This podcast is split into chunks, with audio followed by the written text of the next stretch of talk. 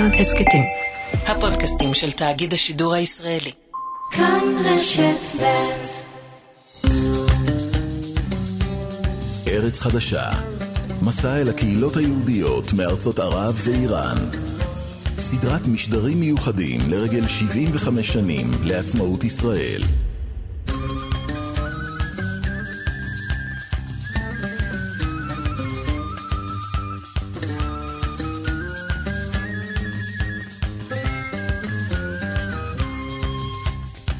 שלום לכם וברוכים הבאים לארץ חדשה, והיום אנחנו עם קהילת יהודי סוריה. ארץ חדשה היא פרויקט מיוחד שהוא למעשה מסע אל הקהילות היהודיות מארצות ערב ואיראן, סדרת משדרים מיוחדת לרגל 75 שנים לעצמאות ישראל.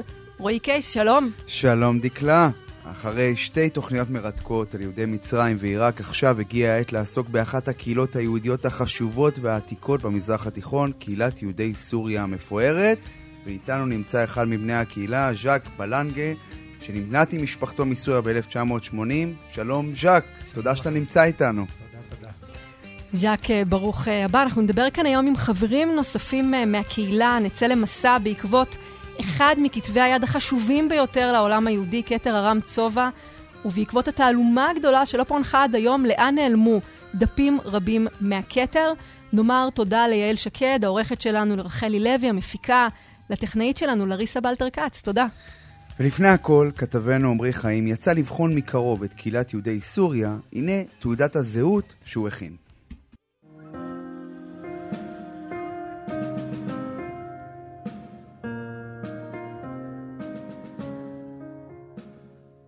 נוכחות הקהילה היהודית בסוריה קיימת עוד מימי בית שני, במאה השישית לפני הספירה, הריכוזים הגדולים ביותר של יהודים במדינה לאורך השנים היו בעיר חלב ובבירה דמשק. בתחילת המאה ה-20 היו בסוריה כ-30 אלף יהודים. המספר הזה הלך וצנח במהלך השנים. ערב קום המדינה עמד מספרם כבר על פחות מ-20 אלף, וכיום אך קומץ קטן של יהודים חיים בסוריה, בבירה דמשק. בעיר חלב השנייה בגודלה כיום בסוריה שכנה קהילה יהודית שמנתה אלפים. לפי המסורת, תחילתה של הקהילה היהודית בעיר בכיבוש של ארם בידי יואב, שר הצבא של דוד המלך. היא ידועה במקורות היהודיים בשם ארם צובא, משמע נגזר שמו של כתר ארם צובא, כתב יד עתיק של התנ"ך שנחשב לנוסח המדויק ביותר שלו. במשך מאות שנים שכן הכתר בבית הכנסת בחלב עד שנעלם בפרעות ב-1947, לאחר החלטת האומות המאוחדות על תוכנית החלוקה של ארץ ישראל. כיום הוא מוצג בהיכל הספר במוזיאון ישראל בירושלים. בשנות ה-20 וה-30 של המאה הקודמת נרשמו עליות גדולות של יהודים מסוריה לארץ ישראל. בשנות ה-40 פעל המוסד לעלייה ב' זרוע של ארגון ההגנה להעלות יהודים מסוריה וגם מלבנון. חלקם אף הגיעו לארץ בכוחות עצמם. גם בעשורים שלאחר מכן המשיכה עלייה של יהודים מסוריה לישראל. העולים התפזרו במקומות יישוב רבים בארץ.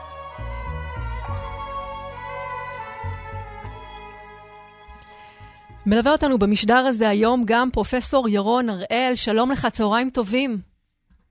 שלום, שלום. אצלי כאן זה בוקר טוב. צריך להגיד, אתה, אתה לא נמצא כעת uh, בישראל, אתה באמת מלווה אותנו ככה גם מעבר לאזורי uh, זמן uh, שונים. Uh, היסטוריון, חבר סגל המחלקה לתולדות עם ישראל ויהדות uh, זמננו באוניברסיטת בר אילן. אתה חוקר את ההיסטוריה החברתית והתרבותית של היהודים בארצות האסלאם אה, בעת החדשה, בעיקר יהדות סוריה, ואני רוצה להתחיל את השיחה איתך בלהגיד שעד עכשיו דיברנו על יהודים שחיו במצרים ובעיראק. מה מייחד את הקהילה הסורית? מה מאפיין את הקהילה הזאת? צריך לזכור שסוריה קודם כל היא הגלות הכי קרובה לארץ ישראל. מבחינה גיאוגרפית זאת הגלות הכי קרובה אל הארץ, ובמשך 400 שנה של השלטון העות'מאני בעצם לא הייתה כל הפרדה אה, מדינית.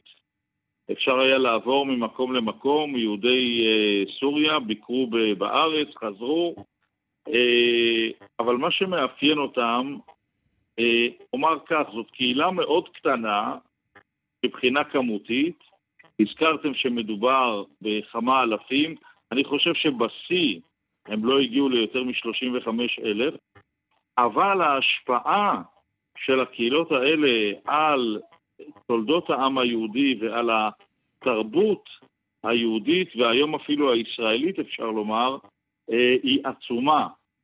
ואם אני אתן אה, שתי דוגמאות. אחת, עלילת דמשק בשנת 1840, שבה יהודי דמשק הואשמו ברצח של נזיר נוצרי למטרות שימוש בדמו להכנת מצות הפסח, העלילה הזאת עוררה סערה בעולם היהודי, ובעצם היא הניעה את התהליך של שיבת הסולידריות היהודית הבינלאומית, אה, כאשר קהילות התחילו שוב להתעניין אחת בשנייה. זה היה לאחר תהליך שיהודים מקבלים אמנציפציה בכל הארצות, ומתחילה חשיבה שהיהודים שייכים ללאום שבתוכם הם יושבים. אז הסולידריות היהודית מתחדשת בעקבות עלילת דמשק. השפעה שנייה, אה, מבחינה תרבותית שאני אדבר עליה, היא אה, במדינת ישראל באה לידי ביטוי במה שאנחנו מכנים שירת הבקשות. היום יש אה, דחייה גדולה מאוד של המנהג הזה שנוסד בסוריה, ידוע יותר בחלב אבל גם בדמשק, של קימה בלילות שבת בתקופת החורף, בשעה מאוד מוקדמת, הגעה לבית הכנסת, ושם כל הקהל שר ביחד פיוטים, אה, והמנגינות, הלחנים, הם שירים ערביים, שירי אהבה ערביים או טורקים.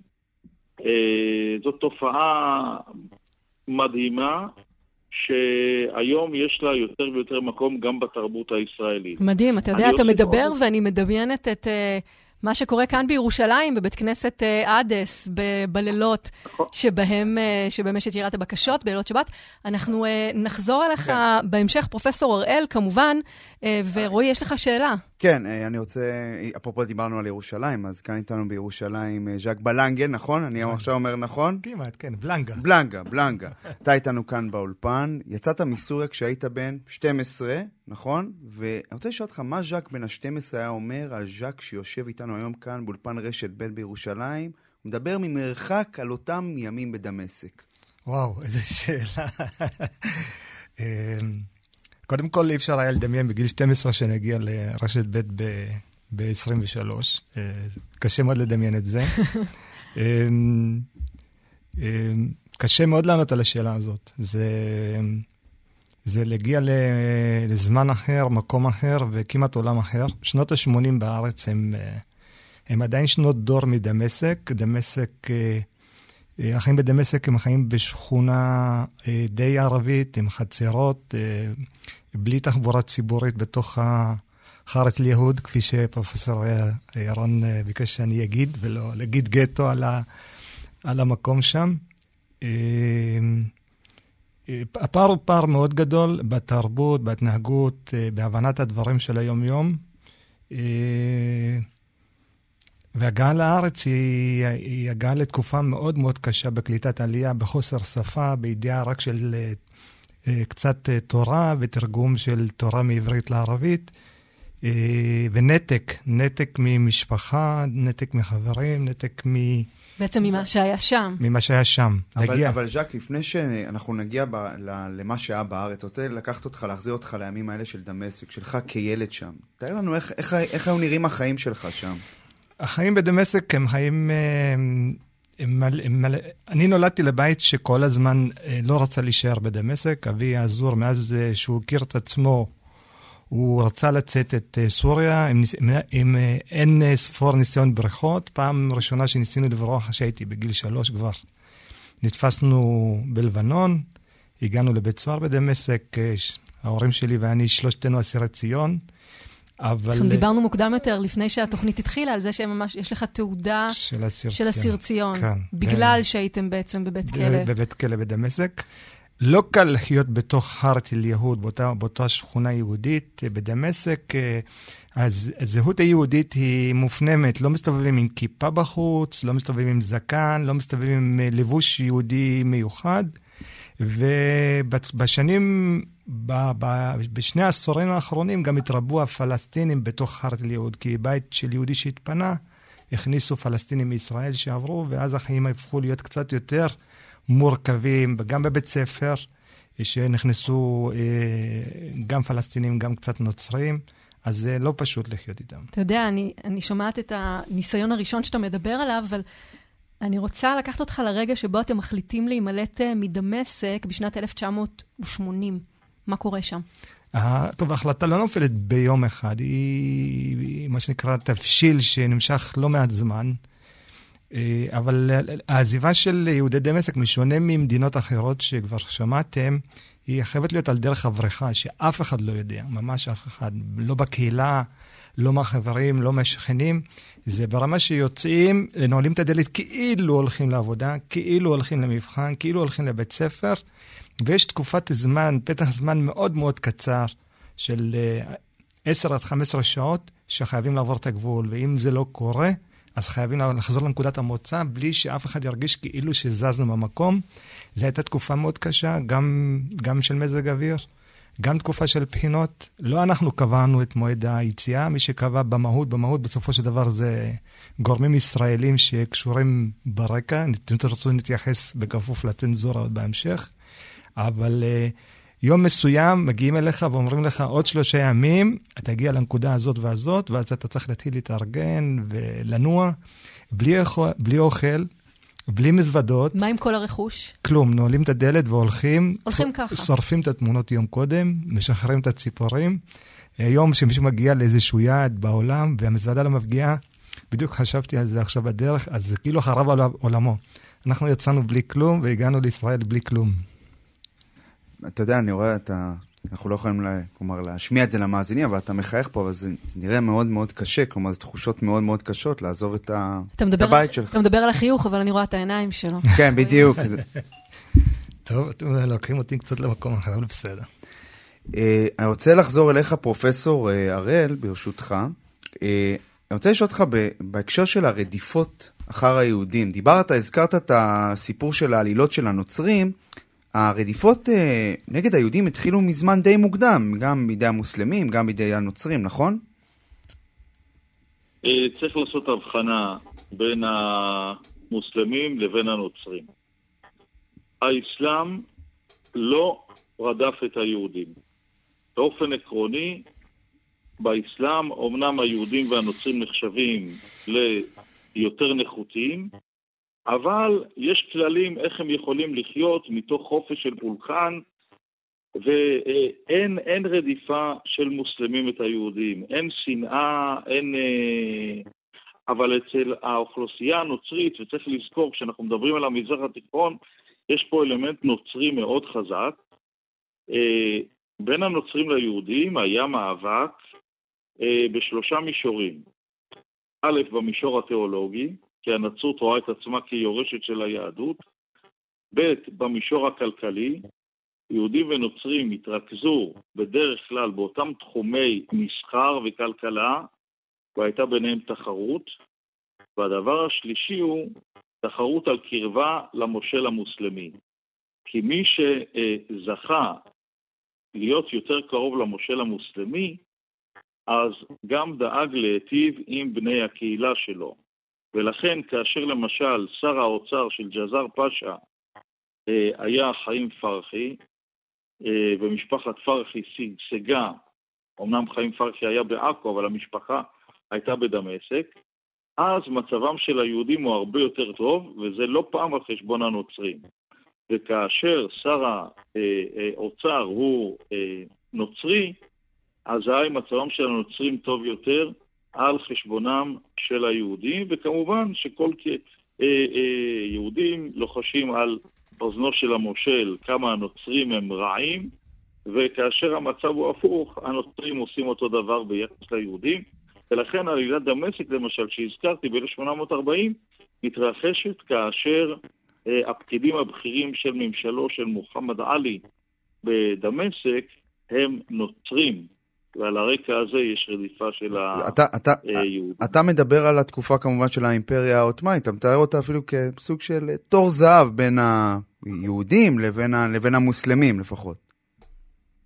אה, אני לא יודע אם להגדיר את זה במושגים של תור זהב, אבל היהודים חיו אה, בצורה שלווה, באופן עקרוני יכלו, לא היו עליהם כמעט הגבלות, החיים לצד המוסלמים היו חיים די שלווים.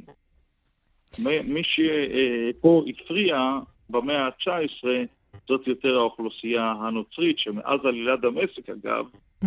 היו לפחות עוד עשר עלילות דם עד לסופה של המאה ה-19, אבל הן פחות אה, ידועות בהיסטוריה היהודית. אנחנו uh, נמשיך uh, ונדבר עוד גם על ההיסטוריה ועל מה שקרה לאחר מכן, גם על הלאומיות הערבית העולה ומה שזה עשה ליחסים uh, בין המוסלמים ליהודים. נדבר על התעלומה הגדולה של היעלמות כתר ארם צובע. ארץ חדשה, חזרנו, אומרים עכשיו שלום לאבי דבח. היי, אהלן. במאי הסרט uh, הכתר האבוד וגם הנין של שמש בית הכנסת הגדול uh, בחלב, חשוב להגיד. נכון. אה, אתה יודע, כשמדברים על אה, כתר ארם צובע, יש שירת כבוד כזאת. מדברים על הכתר כאחד מכתבי היד החשובים ביותר בעולם היהודי, ואני רוצה להתחיל את השיחה איתך בלשאול למה? למה יש כל כך הרבה, אם אפשר להגיד, באז סביבו? אה, טוב, אני לא מומחה למקרא. אבל בעצם הכתב יד הזה הוא נקרא קודקס אחד, הכתב יד החשוב ביותר בעולם. הוא כנראה הכתב יד המדויק ביותר שקיים, של התנ"ך כולו, אה, וגם של המסורה, זאת אומרת, ההערות שנכתבות בצידי הכתב של המקרא עצמו. אה, וגם הרמב"ם בכבודו ובעצמו אה, העיד שהוא הגיע לידיו הכתר, והוא העתיק ממנו את ספר התנ"ך שלו, והכריז שהוא בעצם העותק החשוב ביותר, ועל פיו יש להגיע את כל ספרי התנ"ך בעולם. אה, אבי, אני רוצה לשאול אותך שאלה. הסיפור המסתורי של ההיעלמות של קטע ארם צובע מתחיל למעשה אחרי ההצבעה באו"ם ב-29 בנובמבר 47. כן, למעשה עד אז הכתר היה אה, שמור במשך מאות שנים בחלב, בבית הכנסת הגדול, אה, ואחרי שבית הכנסת עלה באש, בעצם על פי הסיפור שאנחנו יודעים, הוא הוצל משם, אה, כנראה בשלמותו, או כמעט בשלמותו, אה, והוא עבר למסתור למשך כמה שנים. וב-1957 הוא מוברח לארץ, ואנחנו יודעים ש... רגע, אני עוצרת אותך לפני שאנחנו כן. מגיעים לגילוי שלו, כי uh, אני חייבת להגיד, אני ראיתי את הסרט uh, שביימת, כתר האבוד, סרט באמת מאוד מאוד מעניין, ממליצה גם למאזינים שלנו uh, ללכת ו- ולצפות בו, אפשר למצוא אותו ברשת. ובסרט מתוארות הפרעות האלה בחלב, ויש בו גם עדות של כרמלה דואק, הבת של השמש של בית כנסת דאז, על מה שעלה בגורלו של הכתר. בוא נשמע קטע קצר. ואבי אז ירד לבית כנסת עם עוד בוער הכל. עלה אחר כך, אחרי כמה שעות, הוא הביא שקית יוטה. מילא את כל החתיכות של הכתר. כשהוא הביא את הכתר. כשהביא את הכל, הוא הוציא, הראה לנו, אה, היה איזה שתיים ככה, כמה שרופים מהצד, מהפינה. והיו גם דפים קרועים והכול. כן, דברים, אה, דברים אה, מדהימים של כרמל דואק. אבי, אני רוצה לשאול אותך, אתה דיברת על זה שב-1957 למעשה, אז היה המבצע הגדול להצלתו. כן, אני לא יודע אם לקרוא לזה מבצע גדול, כי בעצם uh, הרבנים של הקהילה החליטו, שוב, אחרי מאות שנים שבו הוא חזק בחלב, שהגיע הזמן להבריח אותו לארץ, בעצם הוא היה כבר במסתור. המצב של הקהילה הלך והידרדר אחרי הפרעות מול הממשל הסורי, והיה יהודי בשם מרדכי פחם, שהוא הייתה לו אפשרות לצאת בעצם עם הרכוש שלו, הייתה לו אזרחות זרה, והם מחליטים uh, להוציא את הכתר ולשלוח אותו לקהילה החלבית בארץ. בינתיים הממסד פה כבר עלה על התוכנית הזאת, והוא אה, בדרכים אה, שמפורטות בסרט, אה, סרט של התאגיד דרך אגב. חשוב להגיד כמובן. נכון. עולה על הסיפור הזה של ההברחה, ובעצם מנתב את הכתר לידיים שלו, וככה כתר מתגלגל אל הנשיא בנצי. אתה יודע, אתה מדבר, אתה מתאר את הדברים, ואני חייבת להגיד שכשקראתי על המבצע הזה, הוא נשמע כמעט בדיוני. אנחנו מדברים על כתב יד מאוד מאוד חשוב, כמו שאתה מתאר, שמבריחים בתוך מכונת כביסה. כן. לכן אני קורא לו מבצע גדול. כן. חכם ידע שאם אה, הוא יתפס, אם המבריח את האוצר הזה, אה, הוא ייאסר, הוא ייקלע, ויכול להיות שגם ימצא להורג, ככה שהוא עשה כמיטב יכולתו להסתיר את הכתר. אה, הזכרתם, שמעתם את כרמלה, כרמלה דואק בגדדי, שבעצם הייתה גם עדה מאוד חשובה.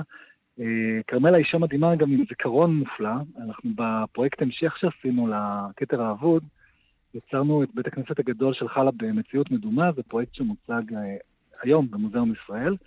וכרמלה בעצם הייתה אחד המקורות שלנו לתיאור של בית הכנסת הגדול, איך הוא היה נראה מבפנים, כי בעצם הוא נשרף, הוא עלה באש, ו, אה, וכמובן גם אין לנו כבר גישה לחלב, אפשר לחזור לשם.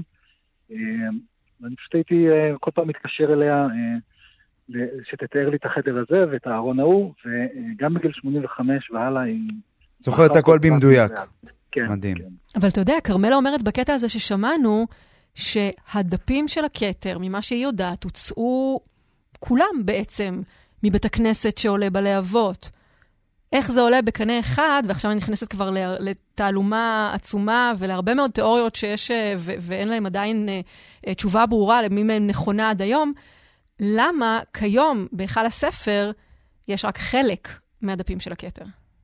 יפה, אז באמת זאת שאלה מורכבת, אבל uh, עד כמה שאנחנו יודעים מכמה עדויות, הכתר היה כמעט שלם כשהוא הוצא מבית הכנסת, וגם הרב שחייבר, לפני שהוא עזב את חלב ב-52, הוא הלך וראה את הכתר במחזור, והוא מעיד שהיו חסרים בו מעט דפים מההתחלה. ויש לנו גם עוד עדויות בסרט עצמו, על כך שהוא כנראה הגיע כמעט בשלמותו לידי הנשיא בן צבי, שזה מעורר כמובן הרבה מאוד שאלות על מתי הדפים נעלמו ובידי מי. אבל גם הדפים ש... שנמצאים איתנו, אה, גם הם היו במחלוקת באותה תקופה, בעצם בין הקהילה החלבית שציפתה לקבל לידיה את, ה... את הכתר, אה, לבין אה, הנשיא בן צבי שרצה אותו למכון שלו. אז למעשה הכתר, כלומר הדפים של הכתר שלא נמצאים, נעלמו פה בארץ, נכון? אי אפשר להגיד את זה בוודאות, אבל כן, יש בהחלט עדויות לכך ש, שזה הגיע כמעט בשלמותו לארץ, לנשיא בן צבי, ורק חודשיים אחר כך אה, יש אה, אישור רשמי לכך שחסרים כל כך הרבה דפים. שזה די מדהים. כלומר, אם אנחנו, במשך שנים דובר על כך שבית הכנסת עולה בלהבות, ומי יודע איך הכתר שם, אבל הכתר ניצל מהלהבות האלה, הוא בעצם מגיע לארץ. כן, זה, זה בעצם כבר בסרט שעשו בערוץ אחד על, על הכתר לפני 30 שנה, בעצם הוכיחו שהכתר שהוא עשוי מקלף לא יכול היה להימצא ליד אש, כי קלף הוא... כשהוא נמצא ליד אש הוא, הוא, זה בעצם אור, זאת אומרת הוא מתכמת, הוא מתכווץ, אה, כך שלא ייתכן שהוא לא נחרך בקצוות, זאת אומרת, אפשר היה אה, בוודאות, ועשו גם בדיקת מעבדה, להבין שהכתר לא היה אה, ליד אש. מה קרה בדיוק, אנחנו לא יודעים במאה אחוז, אבל בהחלט יש עדויות מטרידות על... על מה קרה. יש עדות שאתם מביאים בסרט של שלמה מוסיוף, שהוא אספן עתיקות, והוא מספר שבאים אליו חסידי ברסלב ומציעים לו קטעים, חלקים אה, מהכתר. כן, זה סיפור מדהים שהתפרסם אה, בספר של מתי פרידמן, שהוא אחד מהחוקרים, אחד מהאנשים שהופיעו בסרט, אה, שבו בעצם בשנות ה-80 מגיע, מגיעים אל מוסיוף, שהוא היה עשיר מאוד, ואספן ידוע, מגיעים בעצם אנשים חרדים ומציעים לו את הכתר, משהו כמו 100 דפים מהכתר לקנייה. אה, הוא לא קנה אותם באותה הזדמנות, והם אחר כך נעלמו. ואנחנו יודעים שגם האיש שכנראה, אה, הסוחר עתיקות שכנראה ראה לו את הדפים האלה, אה, נמצא מת אחר כך במלון, הוא הסתבך באיזושהי צורה, ככה שהעקבות של הדפים האלה, עד כמה שאנחנו יודעים, עבדו. אבי, מכל מה שקראת, ראית, תחקרת, אתה מאמין שיום אחד אנחנו נגלה מה בדיוק עלה בגורלו של הכתר כולו? כלומר, זה שווה עוד, עוד סרט, אם, אה, אתה יודע, אם זה יקרה. כן, קודם כל, ברגע שנגלה את הדפים, אז כמובן נעשה את, את חלק ב' של הסרט. אה, אבל מעבר לזה, אה, קשה לדעת. זאת אומרת, אני חושב שייתכן שהדפים נמצאים איפשהו מוחזקים על ידי מישהו פרטי, יכול להיות שהם הוברחו כבר בחזרה מהארץ למקום אחר. וייתכן שיום אחד מישהו ילך לעולמו, וכשיורשיו יראו את הירושה הם יבינו שהכתר אצלם. עד עכשיו מצאו פחות או יותר אה, דף ועוד פיסה אה, ממה, ש... ממה שהיה, כך שהסיכויים לזה לא גבוהים, אבל אה, אנחנו מתעסקים גם במה, במה שנשאר ובמה ש... במה שקיים. ושוב, באמת, הכתר הוא רק סמל של קהילה, סמל של, של תרבות, של מסורת. נכון. ואנחנו מתעסקים בזה בעצם גם בדמות, נזכרנו את כרמלה, זו דמות אחרת, לא פחות מעניינת, שקראו לה שרה שמש, היא בעצם הגיעה לבית הכנסת הזה שבועיים לפני שהוא נשרף, כדי לתעד אותו. היא רצתה בעצם להוציא ספר עם תמונות, היא שכרה צלם ותיעדה את בית הכנסת בצורה מדוקדקת ומפורטת, כמו שאף אחד לא עשה לפניה. מדהים. וכך בעצם גם... אפשר, אפשר לדעת איך הוא נראה בנקודה הזאת ממש, ממש לפני 1947, נובמבר. כן. זה מה שאנחנו עשינו, בעצם לקחנו את התמונות שהיא צילמה ויצרנו מזה אה, מודל במציאות מדומה שאפשר לראות אותו במוזיאון ישראל. זאת אומרת, אפשר ממש לבקר אה, ולהרגיש איך זה להיות במקום, רגע לפני שהוא אה, נחרב. וזה מקום מדהים, זאת אומרת, הרבה אנשים שרואים את זה אומרים, לא ידענו שזה באמת גדול, בית הכנסת הגדול, זה באמת היה מבנה מאוד גדול ומאוד מרשים. אבי דבח, במאי הסרט הכתר האבוד והנין של שמש בית הכנסת הגדול בחלב, תודה רבה לך על הדברים האלה המרתקים, אני בטוח שיהיה סרט המשך, כלומר אנחנו מקווים. תודה רבה. שלום ליפה גדעוני. שלום. מחברת הספר נשות חלב. בואי ניקח עכשיו למול עינינו ילדה או נערה יהודייה שחיה בסוריה, נאמר בתחילת המאה ה-20. איך נראים החיים שלה? היא לומדת, היא עובדת? בשנים ההם אה, אנשים לא למדו. בנות בגיל עשר כבר יצאו לעבוד, לפחות כך אני יודעת מהסיפורים שליקטתי לקראת הספר נשות חלב. ההורים שלי הם יוצאי סוריה והם עלו לארץ מחלב בשנות ה-30 בנפרד, הם לא הכירו קודם, הכירו רק בארץ. אה, הבנות היו די, אה, אה, כאילו, היו בנות בבית, היו כאלה שאמרו שזה אסון כשנולדת בת, ויש סיפורים בספר על uh, אנשים שנולד, על אישה שנולדו לה רק בנות וכמה היא הייתה בדיכאון. ז'אק בלנגה כאן באולפן מהנהן, מה אתה, זה נשמע לך מוכר? זה מוכר מאוד. uh, אני לא יודע אם היא אמרה גיל עשר, אבל אני יודע שאימא שלי, שהיא לידת חלב, היא כבר בגיל שלוש וחצי התחילה לעבוד. אין גן, אין גן, אין בית ספר, והולכים לעבוד אה, מאז ברגע שהם מסיימים עם החיתול כמעט הולכים לעבוד. קשוח מאוד. יפה, אמא שלך אישה חרוצה מאוד. לא, לא, לא נראה לי שזה מרצון כל כך, זה רצון של ההורים, לכי, איך אומרים בערבית, ג'יבי חאקליק, זה תביא את הכסף נכון. שאת אוכלת בו, אז... אה, זהו, הייתה שם שכונה מאוד ענייה, שכונת בחסיתה. ששם באמת היהודים אה, ממש היו אה, די עניים ושלחו את הבנות כדי לעזור בפרנסת המשפחה.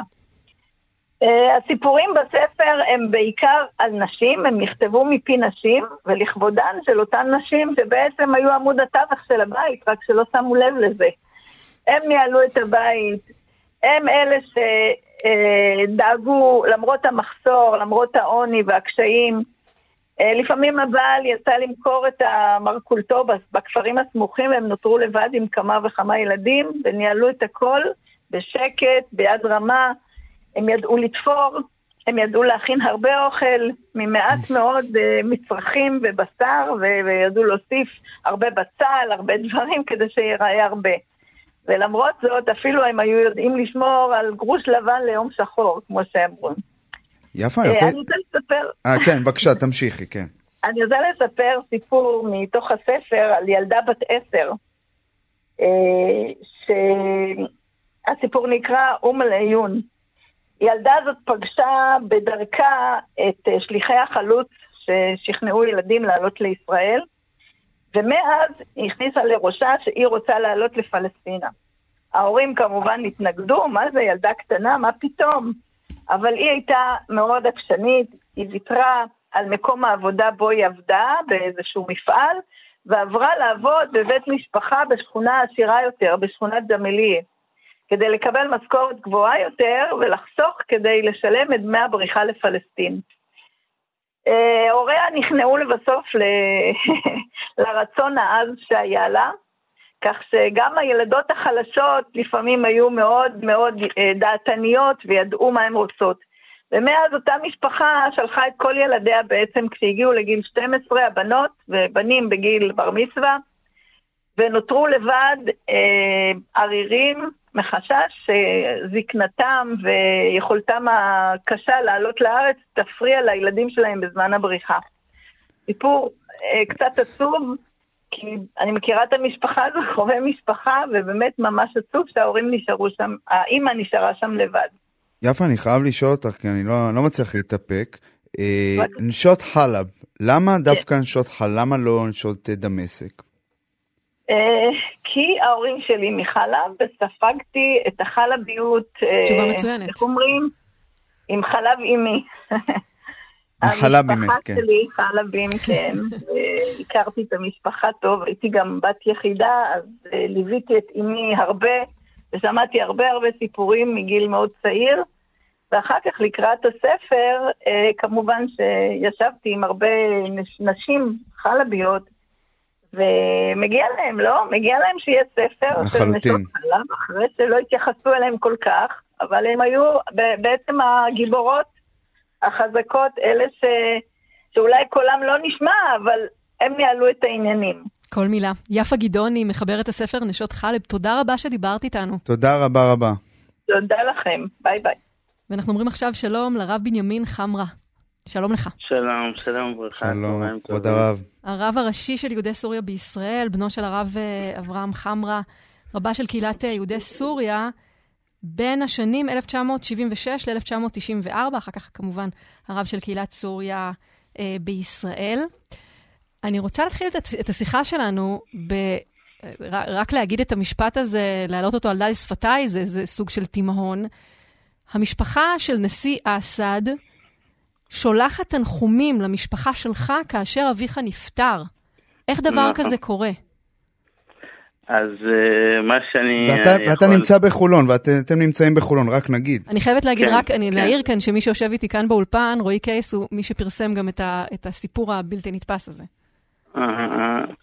אז, אז מה, ש, מה שאפשר אולי להסביר את זה, זה זה קודם כל, כשמדברים על אבא, מה שמראות עיניי, זה שהוא, עליו נאמר רב הנסתר על הנגלה, ו, והוא פשוט, אה, כאילו, מתי שישבנו אה, שבעה על אחותי והילדים שלה, זכרונה לברכה, אז uh, הרבה אנשים מבכירי הגופים הביטחוניים כאן בארץ, מצאנו הזדמנות לשאול אותם מי זה אבא.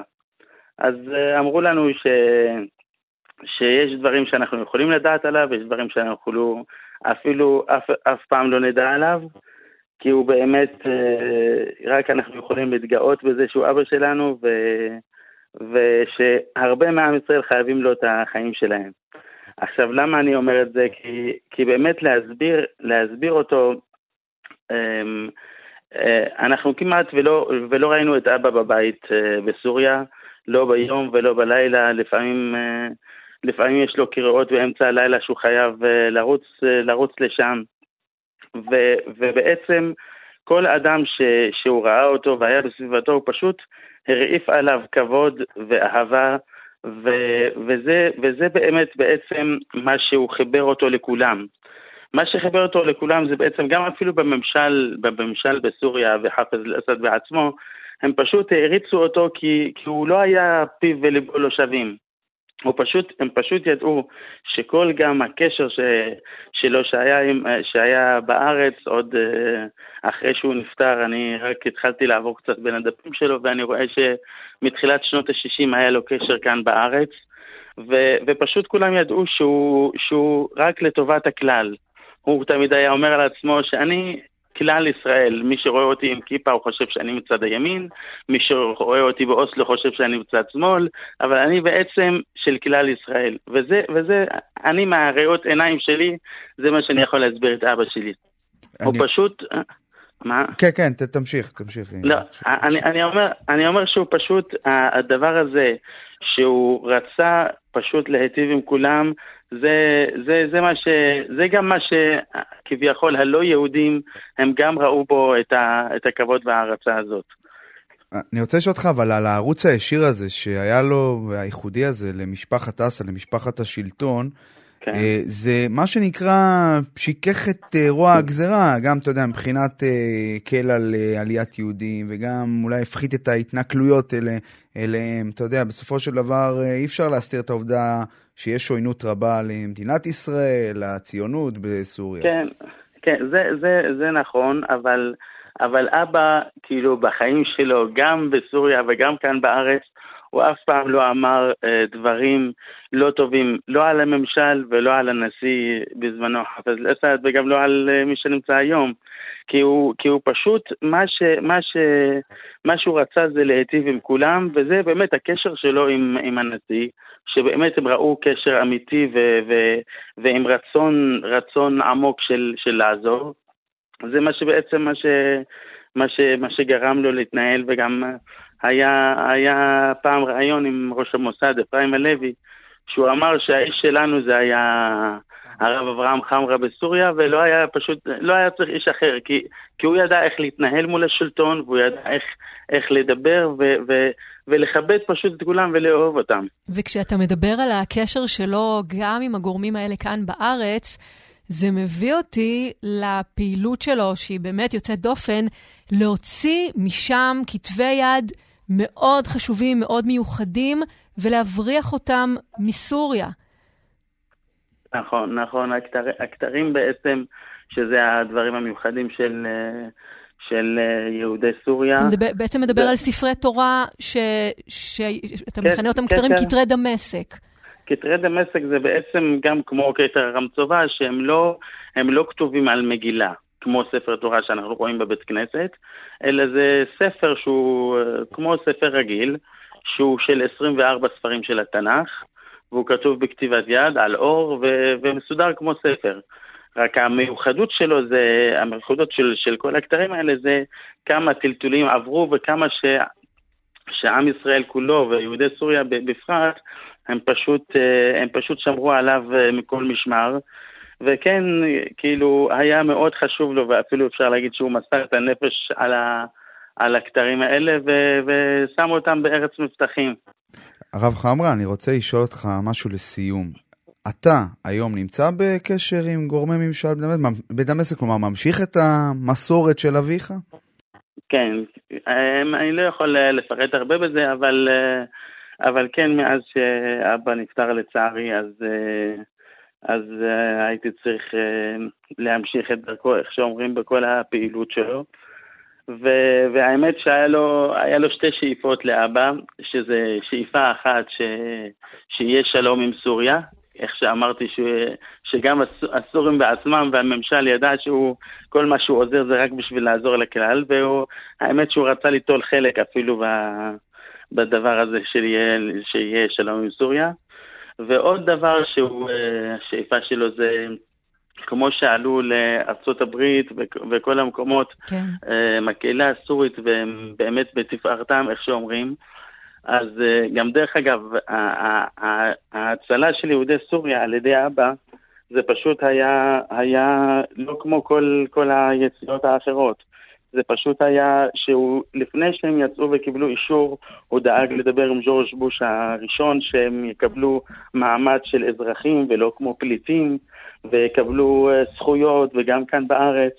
עכשיו, מה שהוא הרב... רצה מאוד בארץ זה, זה לעשות את המרכז זה מורשת. באמת, זה באמת יוצא ו... דופן. הרב, הרב חמר, אני חייבת להגיד, אני מרגישה שאנחנו יכולים אה, לכתוב כאן... אה, לדבר שעות עוד. ספרים ו- נכון. ועלילות על, על, על, על, על, על פועלו של אבא שלך וגם על, על מה שאתה עושה עכשיו, אבל uh, אנחנו צריכים באמת לסיים בנקודה הזאת. אני רוצה לומר לך תודה רבה שדיברת. תודה רבה. אגיד, אני, סליחה, אני רק אגיד עוד משפט אחד. ש, שזה היה מאוד חשוב לאבא, כאילו שאנחנו נבנה כאן את המרכז מורשת בחולון, ועכשיו אנחנו לקראת uh, חיפון וחפירה אה, uh, וטיפון, ובעזרת השם אנחנו נקיים את מה שהוא רצה. בהצלחה רבה. בהצלחה תודה רבה. רבה, הרב תודה חמרה. רבה לכם, התוכנית נפלאה. תודה, תודה רבה. רבה. תודה. ז'אק, אני רוצה אה, לחזור אליך עכשיו, כאן איתנו באולפן. ממש ככה לקראת סיום, אנחנו הזכרנו מוקדם יותר, וראינו גם את התגובה שלך אה, למה שהיה כשאתם הגעתם לארץ. הקליטה כאן הייתה לא פשוטה, הייתה מורכבת. אם, אם הייתה קליטה. אם הייתה קליטה. תסביר. אה, מאוד, מאוד קשה להגיע ל, למדינה בלי כלום, בלי שפה, בלי, בלי אה, רקע ובלי מישהו שיקלוט אותך בצורה נכונה. הפער בין התרבויות של ישראל ודמשק הוא, הוא פער מאוד גדול, ושאין קהילה סביבך, שאתה מגיע למרכז קליטה שיש בו אה, רק אנשים ממדינות אחרות, ואין מי שיסביר לך, ואתה די נטוש. וגם אתה לא יודע לקרוא ולכתוב, לא בערבית ולא בעברית, מאוד מאוד קשה להתאקלם וללמוד, ולוקח המון המון זמן ללמוד uh, כל פעולה שאתה עושה. כך שהיה עשור מאוד מאוד מאוד קשה של התנתקות, uh, בלי שפה, בלי משפחה, ועוד פנימייה בדרך, לא פשוט. אבל הנה אתה כאן, ואתה, מה שנקרא... כן. אני רוצה שנספיק ככה לפני סיום אה, לומר עוד אה, ככה, להגיד שלום שוב אה, לפרופסור הראל שאיתנו על הקו. הוא, הוא מקשיב לנו בקשב רב. לנו. נכון? מקשיב, מקשיב כל הזמן. אז אנחנו שומעים, יודעים שבשנים האחרונות סוריה חוותה מלחמת אזרחים שההשלכות שלה לא פסחו על היהודים שנותרו שם. אתה עוד מקווה לחזור לשם ביום מן הימים? אני ברשותכם רגע אחד מבקש להקדיש כמה משפטים אנחנו ממש אבל לקראת סיום, אז ממש, ממש חצי ממש, דקה אם אפשר. ממש, אבל זה יותר חשוב מהמאוויים שלי להגיע לסוריה. אנחנו שמענו אה, תיאור של אנשים ב- ב- בסוריה שלקח אותנו חזרה לסטריאוטיפ של יהודים בארצות האסלאם. זה לא מדויק בכלל, מכיוון שבסוריה היו בתי ספר לבנות של חברת כל ישראל חברים, מהשליש האחרון של המאה ה-19, בנות שם זוכות לחינוך מודרני, הן דוברות צרפתית. תראו, הפזורה החלבית ברחבי העולם היום, זה לא סתם. הם קיבלו חינוך מערבי. האוריינטציה שלהם הייתה שהעתיד נמצא אה, בעולם, במערב, ולכן אתם מוצאים שהיום הקהילות המשגשגות, היהודיות, המשגשגות ביותר בעולם, הן קהילות של יהודי סוריה כאן, בבואנוס איירס, אה, בניו יורק, כן. בפנמה, במקסיקו. הראל, אה, פרופסור הראל, אבל הראל, זה, זה, מיעוט, זה מיעוט של האוכלוסייה. יש הרבה אוכלוסייה שלא למדה קרוא וכתוב, וזה עובדתי גם, גם בחלב וגם כן. בדמשק. תשמעו, הייתי שמחה אה, להמשיך. לגמרי, אנחנו יכולים לדבר פה שעות וימים. צריכים לשים כאן נקודה, וגם רצינו לשמוע קצת מוזיקה. נכון, אז אנחנו רוצים לסיים את התוכנית שלנו, המיוחדת שלנו, עם פיוט של משה אליהו, מגדולי הזמרים והפייטנים. לקהילת יהודי סוריה. כשגילו את יהודתו בסוריה, חשוב לומר, לא השמיעו אותו יותר. כשהגיע לכאן, לארץ ישראל, הוא הפך להיות הזמר, אחד המפורסמים של אה, קהילות יהדות המזרח. הנה, נשמע את הקטע היפהפה הזה.